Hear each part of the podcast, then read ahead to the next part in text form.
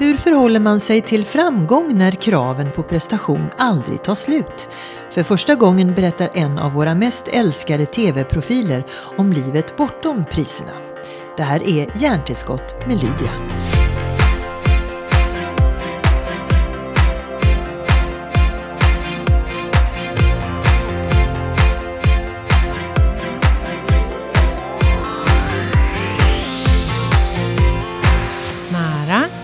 Mikrofonen brukar man uppskatta. Ja, vad duktig du är. Ljudmässigt. Ja. Och du har ätit eh, lunch lite på flyen här mellan en provning och vad då? Jo, ehm, nu ska vi se här. Jag käkade en falafelsallad innan så var jag på en provning. Innan dess så tränade jag och jag ska på möte till efter fem, kvällens sändning. Efter detta. Alltså det är ju väldigt roligt att träffa dig i, på TV4 faktiskt. Ja. Det är ju så himla kul. Vi har ju en del gemensamma eh, nämnare till det, du och jag. Verkligen. Ja. Eh, och vissa program har jag också eh, jobbat med en, kort tid. Ehm, och båda har vi föräldrar med omtumlande bakgrund tänkte jag säga. Ja. Och du vet vad jag menar. Mm. Och sen har vi faktiskt av en slump stått bredvid eh, våra söner ibland på fotbollsplaner. Hur, tycker du, hur tycker du att jag beter mig när jag som förälder står bredvid barnen på en fotbollsplan? Ärligt. Nej men det roliga är att för det första syns du knappt. Du är väldigt diskret och det, Jag är, det, jag är inte så lång. du ryms i målet liksom. Ja, jag ryms överallt höll jag på att säga. Det är fördelen med att vara liten. Jag är inte så stor ehm, eh, och jag brukar ju, det är en helt annan person än den som står i tv. Jag är väldigt sällan sminkad. Eh, jag har oftast, eh, jag är en mössmänniska, har mössor och eh, kepsar och allt möjligt som täcker huvudet, vet inte varför, trivs jättebra i det. Känner mig lite så här, Ja, men man kan gömma sig lite också Ja, man där. är lite där inne i sin egen mössa och i sina egna tankar. Tycker att det är skönt. Och du såg ju själv hur jag såg ut idag när jag kom. Eh, Strålande. Nej, du, stor, stor, en sån här vinterjacka som är liksom oproportionerligt stor. Det är som att jag går omkring med en sovsäck på kroppen. Väldigt roligt. Det, det är väldigt jag. Alltid sneakers eh, när jag är ute, för jag tycker om att gå mycket. Och jag rör mig snabbt mellan olika ställen och har inte liksom varken tid eller lust eller energi att eh, att eh, klippa till kloppa runt på klackar eller vara rädd om någon mascara. Nej. Så det är lite olika. Det gör du så bra ändå under sändningstid. Ja, det gör jag. Men det är också så här, alltså det låter ju skitlöjligt, men det här med att på något sätt bli, få sminket och få de här kläderna och få klackarna på sig, det gör ju, det är lite som att sätta på sig en uniform. Alltså jag kliver in i den här fokuserade eh, rollen som, som jag har som programledare, att styra hela programmet och driva det framåt och välkomna gäster och ställa frågor och avrunda på rätt tid och så vidare. Så att det är lite, lite som att sätta på sig uniformen. Mm, det är klart. Eh, det är ju eh, eh, oerhört eh, imponerande eh, faktiskt till det och det tror jag många med mig tycker. Eh, en lång karriär på TV4 med olika program. Oerhört uppskattad och belönad. Eh, ungefär som en elitidrottsman som har fått medaljer. Eh, hur ska jag upprätthålla nästa prestation? Alltså hur förhåller du dig själv till kvittot på att fasen, jag gjorde ett bra jobb? Um, jag började nästan fnissa när du pratade. Det kändes som att du beskrev någon annan. du, du, du använde, när vi satt och pratade innan vi började spela in podden, så sa du sagt din karriär, sa du. Och jag bara tänkte så här, gud wow. Tänker hon att jag har en karriär? Där, det är liksom mitt Vad utgångs- kallar man det då? Arbetsliv? Ja, nej men alltså det, jag skulle nog också kalla det karriär om det var så att jag pratade om någon annan. Men jag har svårt att identifiera mitt yrkesliv som en karriär. Det här är så roligt till dig, för du tycker ju inte om att prata om dig själv. Så nu får du right back at Ja. you. Nej, men det är så himla fräckt av mig. Jag har alltså intervjuat människor i 24 års tid i tv. Och eh, är så dålig på att bli intervjuad själv. Alltså katastrof. Men jag, jag ska göra mitt bästa. Jag, jag, jag, gör verkligen så gott jag kan. Men, Gull, gullig du är, tack för det. eh, men det här med... för det första så ser jag inte att jag har haft en karriär. Utan jag tänker att jag har jobbat. Jag drömde om att bli journalist. Eh, så att för mig bara att komma in på journalistlinjen var så revolution faktiskt. Ehm, och jag minns att jag tänkte så här, gud, det är så här det känns att göra någonting som man verkligen, verkligen tycker om. Därför att innan det i skolan så var det så här att vissa ämnen var man bra på, andra inte. Man var ruggigt omotiverad ibland och lite, hade lite lust och glädje ibland. Men när jag gick på journalistlinjen så var det liksom, allt var fantastiskt. Alltså, hela tiden. På, på ett liksom helt osorterat sätt. Och sa min lärare i svenska, säger vi, eh, på journalistlinjen att vi, jag vill att du lämnar in en, recension, en bokrecension. Ja, men då lämnade jag in sex bokrecensioner, för jag tyckte det var så kul att skriva. Eh, och så där höll det på. Liksom. Skulle vi klippa ihop ett inslag för lokal-tv, för det gjorde vi. Ja, men då, då, klippte jag ihop, eh, då klippte jag hela natten. Alltså, gör man någonting som man brinner för, då är, då är det ganska lätt att lägga tid och energi på det. Och lägger man tid och energi på någonting så blir man förhoppningsvis också bra på det till slut. Liksom. Det är därför jag, när jag är mentor åt yngre tjejer, alltid utgår ifrån så här, var är du lycklig någonstans? Många tjejer, eh, för jag är mest mentor åt tjejer om jag ska vara ärlig, eh, de, de säger så här, men jag, jag vill bli eh, jag, vill bli, jag vill gärna bli känd, eller jag vill bli programledare, eller jag vill bli någonting. Och du brukar säga så här, okej, okay, fine, men vi börjar någon annanstans. Var mår du bäst? Var är du lycklig? För är det så att man känner total närvaro och lycka i stallet, på sin fritid, då tycker jag att man ska försöka jobba med någonting som har med hästar att göra och inte bli programledare. Eller blir man programledare, då får man se till att hitta på ett program som har med hästar att göra. Förstår jag? menar att mm. man måste liksom utgå ifrån sig själv och inte från allt annat runt omkring. För då blir man bra och man har kul och det är det som hela livet går ut på. Så då har du dels svarat på frågan att du, du kan förhålla dig till din framgång genom att konstatera att du är på den platsen du vill vara? Och ja, brinner för? Ja, precis, ja, alltså jag, det, det, dubbelt. dubbelt. Alltså jag, jag, jag ser inte så här, gud vad jag, vilken, vilken framgång jag har haft. Så tänker jag inte. Utan jag tänker mer så här, det är mycket kortare perspektiv för mig. Gjorde jag en bra intervju? Gjorde jag en bra sändning? Blev satt påan på ett bra sätt som jag hade tänkt mig? Um, lyckades jag och David göra en, ett roligt nummer i Let's Dance? Um, gjorde jag, var, jag liksom, var jag tillräckligt eh, påläst när jag gjorde partiledarintervjuerna inför EU-valet? Alltså det är mycket, mycket mindre saker. Lyckades jag hjälpa den här familjen som kom för att berätta för mig en historia om hur det gick till när det började brinna i deras hus och deras mamma på ett helt mirakulöst sätt räddar sina sex barn. När de fick sin stund i min studio, gick de härifrån och kände sig nöjda med sin egen insats? Det är alltid liksom mitt utgångsläge. Jag har bjudit in människor som kommer för att berätta en historia. Att lyckas för mig, det är att se att de går härifrån och känner sig nöjda. Jag gjorde ett bra jobb, jag berättade min historia, det här var liksom min stund. Då känner jag så här, wow, mm. nu gjorde jag ett bra program, till exempel, eller en bra intervju. Men det är mycket mindre, det är inte så att jag ser det liksom i så här, Åh, när jag började så jobbade jag där och nu jobbar jag här och det är så mycket större. Alltså, jag tänker aldrig så. Däremot så har jag ibland då, som du nämnde, eh, några gånger blivit belönad med priser för mitt jobb. Och det är väldigt dubbelt. Nu ska jag vara helt ärlig.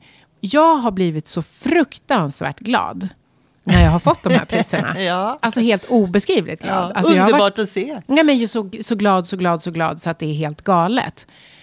Um, men eh, och, och innerst inne så vet jag att det är inte det här som är liksom målet eller liksom belöningen eller så. Men, men jag blir glad ändå. Alltså jag blir jätte, jätteglad. Och vad händer då? Ja, men nästa år, ja, men så blir man kanske, eh, ja men så här, så kanske man har chansen att vinna igen. Och så gör man inte det. Då blir man ledsen. Och då istället för att bli så här glad för dem man har vunnit så blir man lite så här fasiken, mm. vad gör jag för fel? Det är livsfarligt. Mm. Det är inte bra. Det är inte bra för yrket, det är inte bra för själen. Det är inte bra, därmed är det inte bra. Liksom. Så det där måste man släppa, det måste man jobba lite på. Så att, så att när du pratar om idrottsmän som, eller kvinnor som har liksom presterat och fått priser, det måste ju vara, vilken press! Jo, jag vann OS-guld. Det går inte att göra mer än det. Alltså vad ska de göra nästa gång? Det kan ju bara gå neråt. Det jo, men det är lite dit jag vill komma Eller också. hålla i. Man kanske kan hålla i. Eller så gör man som jag. Att man hittar liksom andra vägar som är framgång för en själv helt enkelt. För mig är ju liksom... Jag funderar jättemycket på vad som är, vad, vad, livet är. Jag utgår absolut inte ifrån att jag, har liksom, att jag är mitt i livet. Det kan lika gärna ta slut mycket snarare än så. Jag är väldigt noggrann med att vara tacksam. Jag är väldigt noggrann med att inte jämföra mig med andra. Jag är väldigt noggrann med att liksom komma ihåg att vara glad åt andras framgångar. Eh, sånt. Det är liksom den personliga utvecklingen. Det är en större resa än ett tv-pris. Mm. Du, eh, man kan ju prata om det här, den här relationen som du har till publiken eh, varje dag. Eh, du får mycket kärlek men du får väl också det motsatta antar jag? Är, är, är, det, är det jag är inte så utsatt. Alltså, så. Eh, alltså jag får väldigt, väldigt mycket kärlek. Och någon gång kan det komma någon sån här... Usch, vilka fula byxor du har på dig. Någon gång kan det komma. Men alltså det är så oerhört sällan jämfört med kärleken. Vi pratar ju väldigt, vi pratar oproportionerligt mycket om hatet. Tycker jag. Med tanke på att det är mycket mera kärlek. Sen vet jag att det finns vissa människor som är mycket mer utsatta. Och det är helt oacceptabelt. Alltså det är fullständigt oacceptabelt. Jag vet inte, om, jag vet, du sa att du hade lyssnat på mitt sommarprat. Mm. Så berättade jag för dig, eller berättade jag i det sommarpratet att eh, jag hade suttit och åkt tunnelbana tillsammans med två av mina barn. Och så sitter det en dam på tunnelbanan som säger till mig att ja, du är ju mycket snyggare på tv än vad du är i verkligheten i alla fall. Och jag tror, jag, men jag ska vara helt ärlig, jag tror inte att hon tänkte så här, gud vad drygt sagt, utan jag tror hon tänkte så här, gud vad härlig jag är Hon såg det där ärlig. i mössan och allt ja, det där ja, och jämförde. Åh vad jag är härlig och ärlig, liksom. ja. Men hon höll på där ett tag innan min dotter bara tittade på henne och sa så här, man behöver inte säga allt man tänker. Så är det. Och det är liksom hela nyckeln. Alltså hon får gärna tycka att jag är både ful och eländig. Men hon behöver inte säga det till mig. Det kommer inte förändra mig. Jag kommer inte bli bra för att hon säger det. Så det ger henne absolut ingenting. Och mig kommer det ju bara såra. Det är det folk glömmer bort, även om de skriver något skitlöjt som fan vilka fula byxor du har. Eller eh, det var någon som var upprörd någon gång för att jag hade bjudit in en gäst och så hade vi pratat och jag gjorde bedömningen när jag satt i direktsändning med Hanna att hon var så himla fantastisk när hon pratade. Så att eh, vi hade lite bilder från en serie som hon skulle vara med i. Men vi valde att inte visa det för hon var så stark i sig själv så jag ville liksom inte avbryta henne med det. Och då fick jag ett argt meddelande där det stod att hur kunde ni inte göra reklam för hennes serie när hon var där? Du är så katastrofalt dålig på det du gör. Och då ett, jag sänder live. Allting går liksom inte att planera in i, men vi kan inte klippa grejerna, utan det är vad det är. Två, jag gjorde bedömningen att hon var starkare än serien. Det tycker jag är en ganska fin bedömning. Eh, tre, mitt jobb är inte att göra reklam för andra. Alltså jag är journalist. Jag ställer frågor. Jag gör inte reklam. Alltså, det är en jäkla skillnad. Och det är klart att jag blir jätteupprörd. För att det här är ju en människa som dels hoppar på mig personligen. Eh, och, och, och dömer ut en, en 25-årig karriär på en intervju. För vem var han, det? Vem pratade vi om? Ja, det, alltså vem gästen ja? Ja. Lena Endre. Mm. Eh, och då blir jag skitförbannad. Och jag blir ju arg för att jag blir ledsen. Jag tar ju åt mig. Och då skrev jag världens längsta, mest intelligenta, genomtänkta supersvar. Där jag liksom förklarade allt och hur det funkar med live-tv och att journalistik och reklam inte är samma sak. Och att, när, att liksom den här personen, jag gick in och kollade vad den här personen, vem det var. Och det var en människa som skrev mycket om kärlek på sitt eget konto. Eh, och att man inte får hata. Eh, det är så surrealistiskt. Och sen så skrev jag hela det här långa svaret och du som borde veta hur det känns och hur kan du utsätta andra och bla bla bla. Förstår du inte att jag blir ledsen? Och så läste jag det och så läste jag det igen och sen raderade jag det. Mm. Mm. För att jag behövde få svara.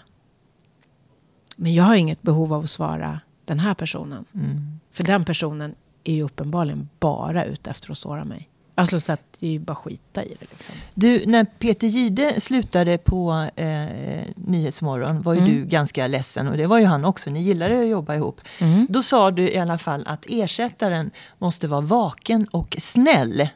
Mm. Tycker du, och det var ganska gulligt sagt eh, tycker jag, att snäll är ett ord som man kanske inte använder så ofta i, nu för tiden. Nej. Men tycker du att det här är en snäll bransch?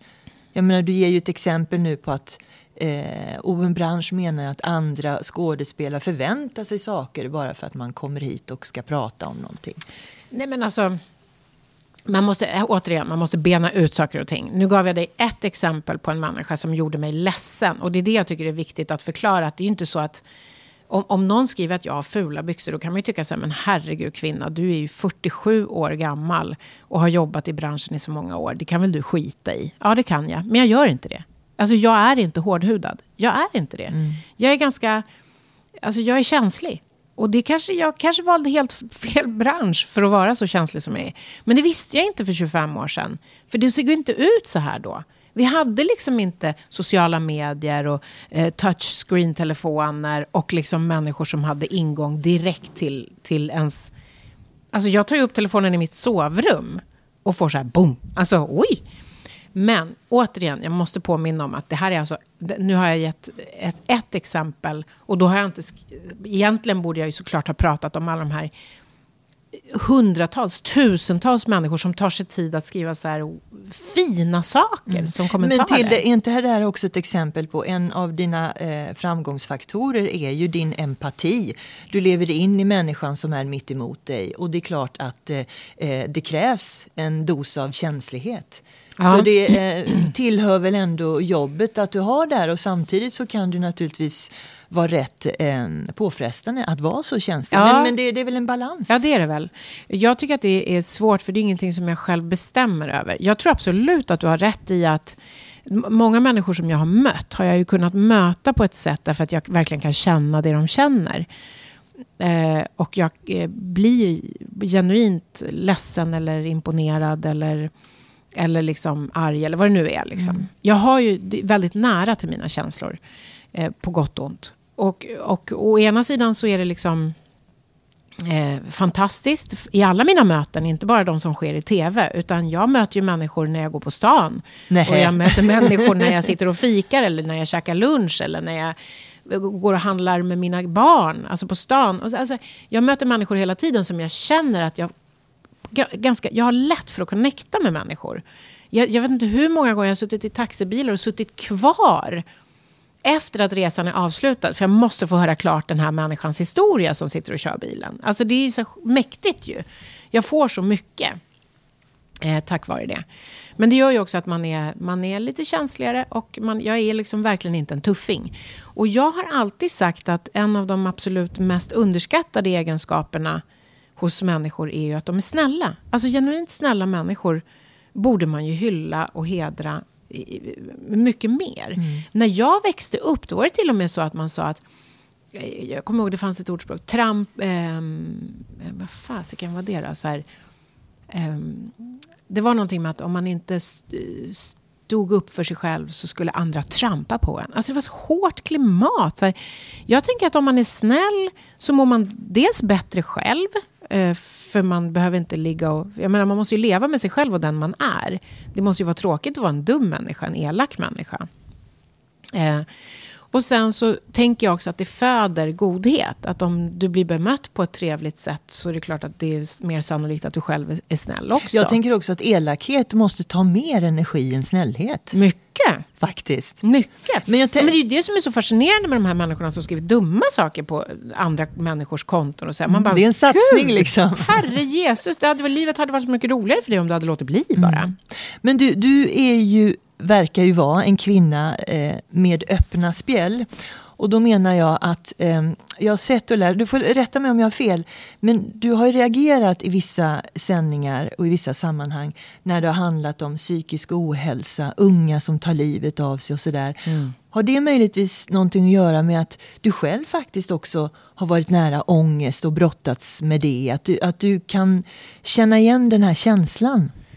Ja, eh, jo, men jag har ganska nära till ångest. Det har jag faktiskt. Eh, men jag tror att det handlar... Tänker du på en speciell intervju nu med en mamma? Vars ja, tonårsbarn... och nu tänkte jag, nu ska inte jag göra dig ledsen här, men det finns nej, men... ju några tillfällen som är väldigt tydliga. Ja, men det, nej men jag vet, gud, det, bara, det är faktiskt, bara jag tänker på henne så... Ja, det är supersvårt. nej, att, det är eh, skitsvårt. Men mm. så här är det, i det fallet så vet jag, jag har faktiskt haft kontakt med henne efteråt. Det är ett av de starkaste minnena jag har. Det var alltså en mamma som berättade om eh, sitt tonårsbarn som hade tagit livet av sig. Och vi pratade om psykisk ohälsa och självmord och sådär. Och hur man kan hjälpa människor. Eh, och då av respekt för henne så ville jag inte sända ut igen utan att hon var förberedd. Så jag kontaktade henne. Och det var, det var så fint. Hon bara, gud, hon tyckte att det var så gulligt att jag hade kontaktat henne igen. Jag tyckte att det var självklart och kände så här, du måste verkligen säga ifrån om det inte känns okej okay och sådär. Men det gick jättebra. Men det var ett av de starkaste ögonblicken jag haft i tv. För att, men då handlade det mer om att jag kunde identifiera mig med henne som mamma. Eh, det är ju precis det. det ja, ju... Att ha ett barn eh, som mår så dåligt och att eh, vara så otroligt hjälplös i den situationen och att inte kunna rädda sitt barn ju. För det var ju det det handlade om. Mm. Um, och jag vet ju jättemycket. Jag har ju läst supermycket om det här och pratat med så många människor om det här. Så jag, jag förstår ju liksom att det är... Hon, hon, hon, kunde liksom, vad skulle hon ha gjort? Alltså det... Men alltså jag kunde inte sluta. Alltså jag, jag, tror att jag kände mig som mamman till det här mm. barnet helt mm. enkelt. Och då, då brast det. Liksom. Mm. Och det gör det ibland. Mm. Eh, och ibland så skrattar jag ju så att jag måste gå till reklam eller någonting. För ja, jag det, har vi också sett, det har vi också sett. Så jag menar, jag har nog nära till alla känslor. Men det här med, med, med ångest, alltså hur eh, mm. har det blivit bättre? Jag kunde också få sådär lite panikkänslor när jag var för tio år sedan. Sådär. Mm. Jag tänkte, nej men herregud, det här livet är så bitterljuvt för att vi ska dö allihopa. Ja. Så man, då fick jag en sån Men för tio år sedan, gud vad intressant. Hur gammal var du då? Då var jag, jag är 56 nu, då var jag 46. Men jag tror det har med barnen att göra faktiskt. Vid vilken ålder de är i, ja, tänker du? kan det också vara. Ja. Sen kommer det perioder, eh, eh, nu känner inte jag det längre. Nu Nej. är jag bara eh, mån om mina barn helt och mm. hållet. Men innan mm. tyckte jag att det var läskigt med, med, med avsked. Alla ja. möjliga avsked och döden är ju ett sånt. Det är ju liksom... Uff, det är det, op det optimala, optimala höll jag på Nej, det är det Nej, absoluta nu, avskedet. Men nu, nu berättar det får man om... ju inte tänka på. Nej, det får man, inte får, Nej. man måste tänka på Men vi ska ju prata om dig, vi ska ju prata om vad du tänker på. Jo, jo, men jag tänker det hör ju ihop. Alltså ja. det går ju inte att prata med någon. Det blir ju också en så här skev, det är därför det är så svårt att bli intervjuad. Det blir superskevt om du ställer jätteviktiga, relevanta frågor om livet och hur man, hur man hanterar det. Och sen ska jag sitta här och berätta det för dig, fast du vet precis lika mycket om det som jag. Det är ju ja, så i ett samtal. Ja, absolut. Men jag tror... Eller lite. Ja. Lika mycket eller lika lite ja, om det som jag. Man kanske har lite olika perspektiv på ja, det, olika anledningar. Det, ja, det tror jag. Och man har olika förutsättningar och man har olika bakgrund och man har olika stöd i livet. Alltså allting är så här. Men för mig har det varit, livet har varit liksom en ständig liksom, utvecklingsresa. För mig har det varit skitviktigt att så här, försöka förstå varför jag reagerar som jag gör. Jag hade ett supertemperament när jag var yngre. Alltså, du vet när jag blev arg, då blev jag så arg så att det svartnade för ögonen. Det var liksom, det har jag jobbat supermycket med. För redan när jag var i 12-årsåldern, jag har ju fortfarande samma tjejgäng som jag, som jag lärde känna när jag var sex år gammal. Så vi har ju varit kompisar i 40 år. Och redan när jag, vi var i 12-årsåldern så var det en av mina kompisar som jag idag betraktar som en syster. Som sa till mig så här, vet du vad Tilde, jag älskar dig. Men alltså när du blir arg, då blir du så fruktansvärt arg. Det är rätt obehagligt. Jag har svårt att se dig väldigt, nej, tänka mig dig väldigt... du? Alltså, en sån, alltså vilken ärlig, vilken gåva att ha en sån vän. Mm. Som kan säga det på ett bra sätt så att jag kan så här... Mm, jag började jobba med det direkt, redan då när jag var så liten. Jag, bara, jag vill inte vara en sån människa som andra tycker är obehaglig. Så jag började jobba med det direkt. och så här, hur, hur ska jag hantera när jag blir så där arg? Varför blir jag så arg? Och när jag väl blir det, kan, kan jag gå ifrån då? Eller, alltså så här, så jag har ju liksom lärt mig att hantera det. Eh, och sen blir man ju äldre, blir man ju tröttare också. Man orkar mm. inte bli så förbannad som man blev när man var yngre. Så är det. Äh. Så är det verkligen. Nej, men lite så här, så jag har alltid jobbat också så här. Jag har så nära till mina känslor. Hur ska jag hantera det? När är det bra? När är det inte bra?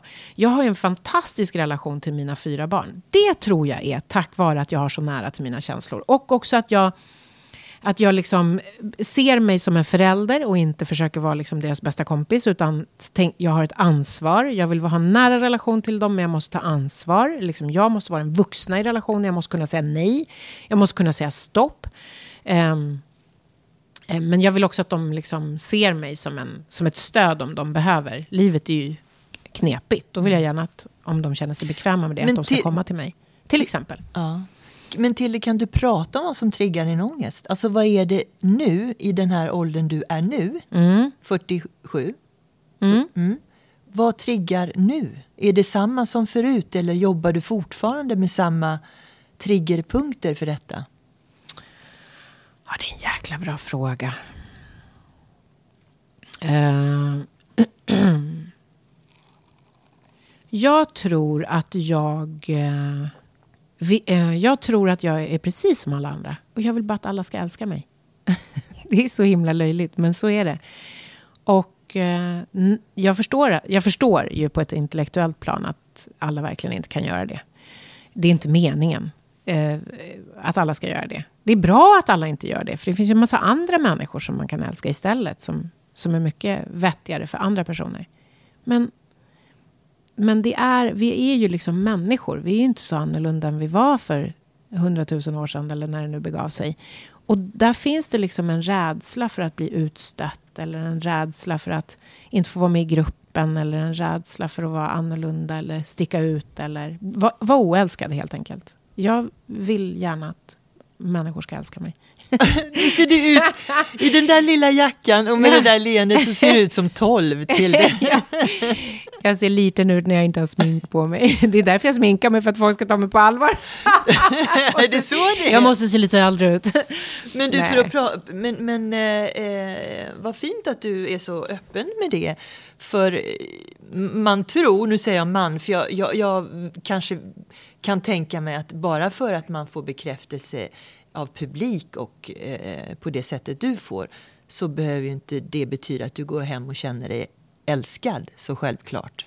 Nej, men det är inte, nej, precis. Nej, det är ju inte samma sak. Jag verkligen, verkligen uppskattar alla människor som tar sig tid att höra av sig med positiv feedback.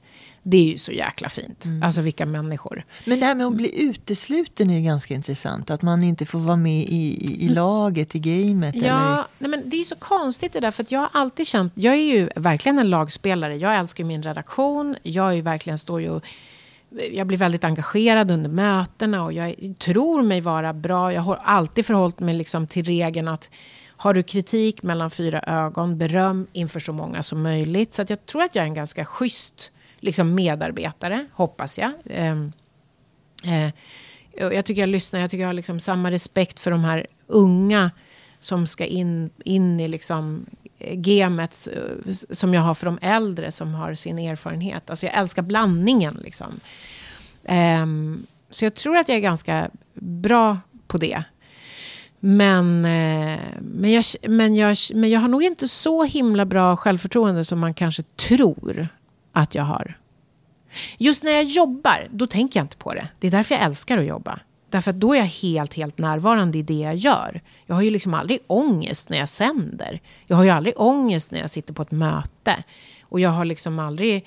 Det finns ett tillfälle till när jag inte har ångest, eller sådär. Och det är när jag tränar. Alltså så här, när du är 100% närvarande i det du gör, då finns det inte utrymme för en, liksom en massa if and buts i huvudet. Det blir liksom inte så stökigt och krångligt. Det är inte en miljard tankar. Det är inte, herregud vad ställde jag bilen? Jag, har, jag måste ringa målaren. Gud, jag glömde köpa den här. Var det utflykt eller inte för yngsta barnet? Gud, jag måste ringa henne, det andra barnet, och kolla hur det gick med den där. Och hon hade prov. Åh, gud, glömde jag? Hör, för, jag borde ha förhört henne igår. Gjorde jag det? Nej, men alltså, det, det, när du tränar eller när jag tränar, när jag tränar, när jag sänder, eller när jag jobbar liksom upp ett, ett program, då är jag bara där. Mm. Inte på hundratusen andra ställen. Och det är de här hundratusen andra ställena, det är då man kan bli så här, livet. Okej, in i, i eh, tv-huset igen då, tankemässigt. Eh, finns det ett bäst före-datum för kvinnor i tv? För kvinnor? Nej, verkligen inte. Eh, nej, verkligen inte. Ett bäst före-datum? Nej, för, för, jag blir nästan förbannad. Nej, men nej, varför, varför skulle du menar in, men inte för män? Nej, jag bara ställer frågan. Jag vill se Jaha. vad, hur du reagerar. Om det, om det, Ja, nej. Anledningen till att jag frågar det är för att eh, jag har sett en del eh, serier och framförallt en som heter som heter Morning Show som det pratas väldigt mycket om. Ja, nu. den har jag också sett. Ja. Jag älskade den. Ja, och underbara eh, prestationer av huvudrollsinnehavaren med bland annat Jennifer Aniston. Där Mm. liksom det här blir lite eh, aktuellt men inte bara eh, bäst före-datum för kvinnor, det är massa annat involverat också. Ja, verkligen. Men det får en att tänka, för båda kvinnor offrar rätt mycket för, för att få vara i den positionen de är. Mm. Ja. Och det, det är alltid någon yngre som, som ligger och, och, och mm, eh, vill också. Mm. Eh, så det blev en diskussion som eh, var ganska intensiv med ett gäng andra tjejer, Ja. om det finns det. Och jag bara lyfter frågan här. Och det är väl roligt att du blir förbannad, för jag tycker ju naturligtvis att nej, det är klart det inte är. Men, men, men, Nej, men det är fin- intressant. Nej, men, fråga, men jag tror att så här, också för att frågan är så intressant. För, finns det ett bäst före-datum för kvinnor? Det var där jag bara, va? Nej, men jag förstår inte ens frågan. Alltså, finns det ett bäst före-datum för journalister? Ja, alltså det känner man väl själv när man inte riktigt orkar. När man liksom inte riktigt är liksom sugen. När man inte, man är inte nyfiken på samma sätt. Man är liksom inte intresserad av att lära sig den nya tekniken på samma sätt. Man bara, men vi gjorde så här för. Då kanske man ska fundera på om den här platsen skulle kunna vara någon annans. Jag tycker att det är skitintressant att tänka att de här yngre tjejerna som vill in i tv-branschen och som jobbar hårt för det.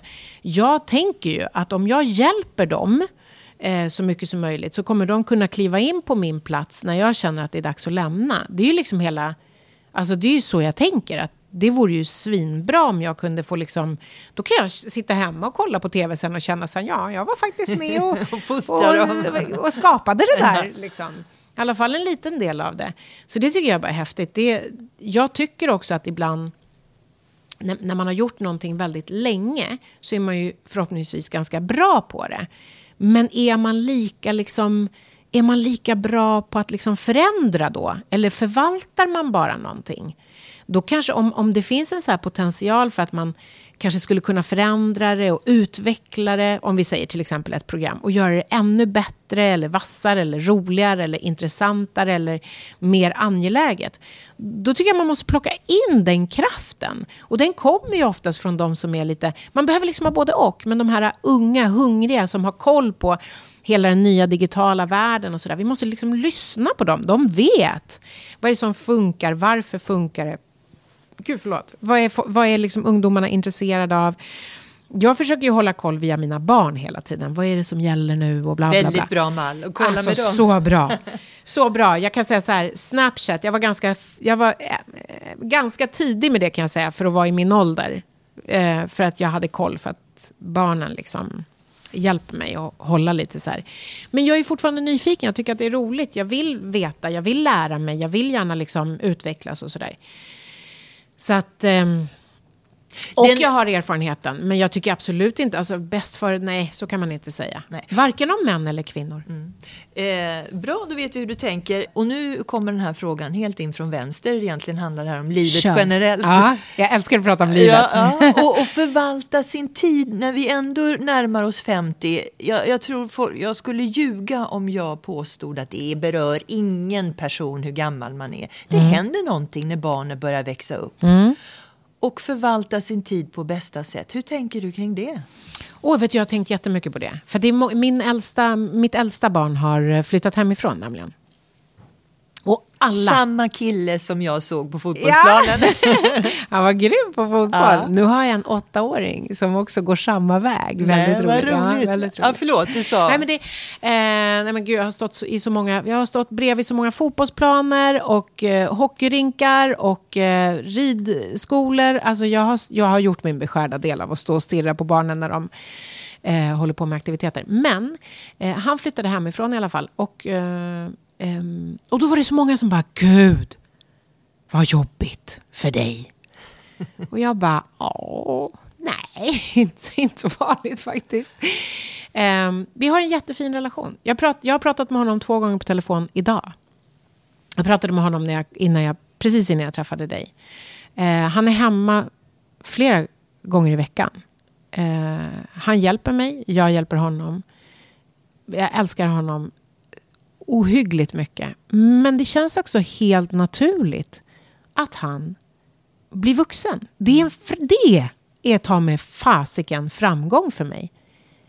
Vi fixade det. Nu är han vuxen.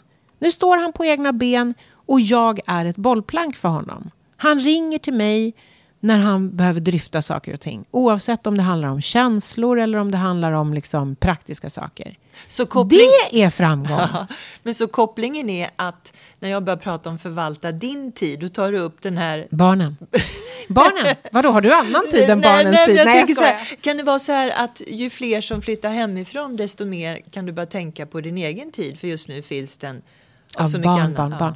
Jo, men så är det ju. Sen, en annan sak som man måste komma ihåg till, till alla de som inte känner så, att det är så himla eh, härligt och häftigt när barnen flyttar hemifrån. Jag har ju fortfarande tre hemma, så jag har ju så himla många barn, va? Så jag har ju spridit ut det här. Mm, klokt. så att kanske när, när en lille flyttar hemifrån så kanske jag hamnar i den här, herregud, vad är livet nu?